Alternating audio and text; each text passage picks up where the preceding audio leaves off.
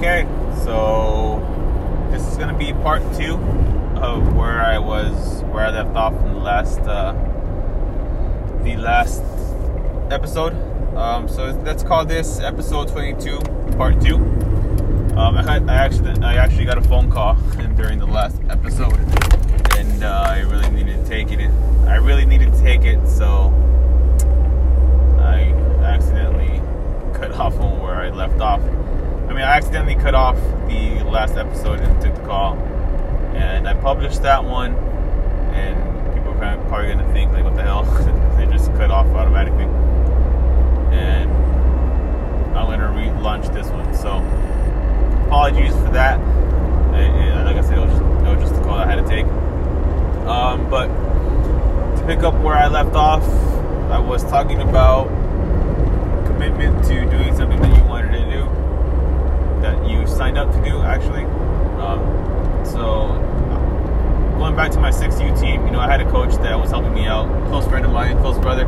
Um, you know, and this and this individual knows, and and, and again, you know, uh, full respect, no disrespect to anybody about.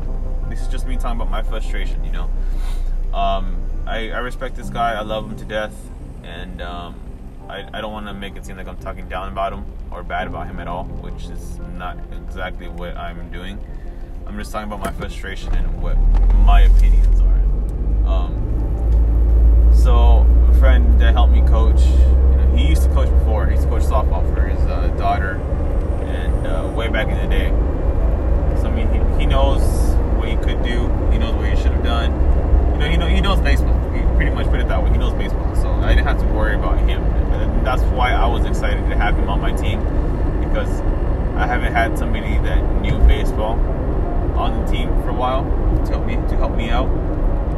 Um, but you know, I I I get too comfortable and I assume a lot of things, and I think I went wrong was where where I went wrong was I assumed that I was gonna get the same commitment that I'm giving, which is something that I I shouldn't have done.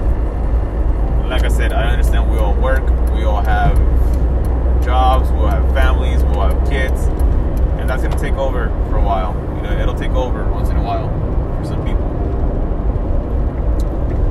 Um, and for him, it did. You know, work. Like I said, I built him. I helped him become.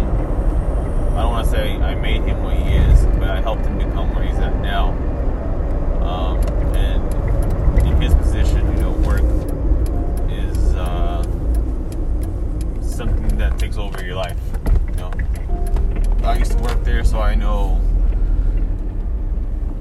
where he was. So that's why I didn't really make a big deal out of it. So I was understanding of it. But you know, like I said, I've missed five days overall in the last five seasons because of either a practice or I showed up late to a game because of work or because I was far from the location um, or I missed like last season I missed our uh, year end uh, closing ceremony because I was not because of choice but because I was actually in out of state. Where was I? I was in uh, Atlanta for work. So obviously I couldn't make it.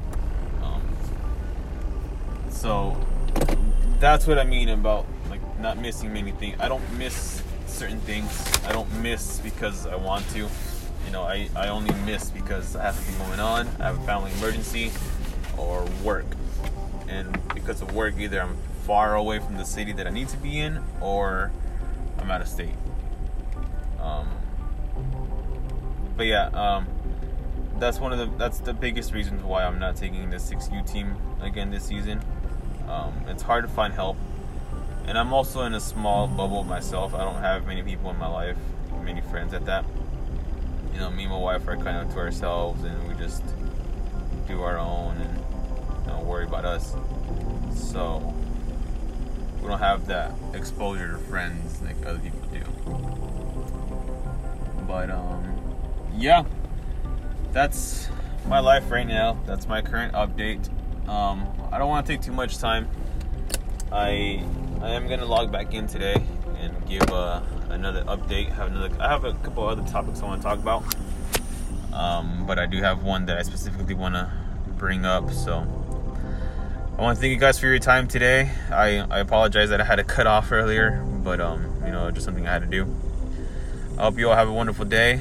I am close to my location now, so hopefully after I'm done here, I can uh, log back in and keep it going. Hope you all have a good day. Be safe, be careful, and I will see you on the next one.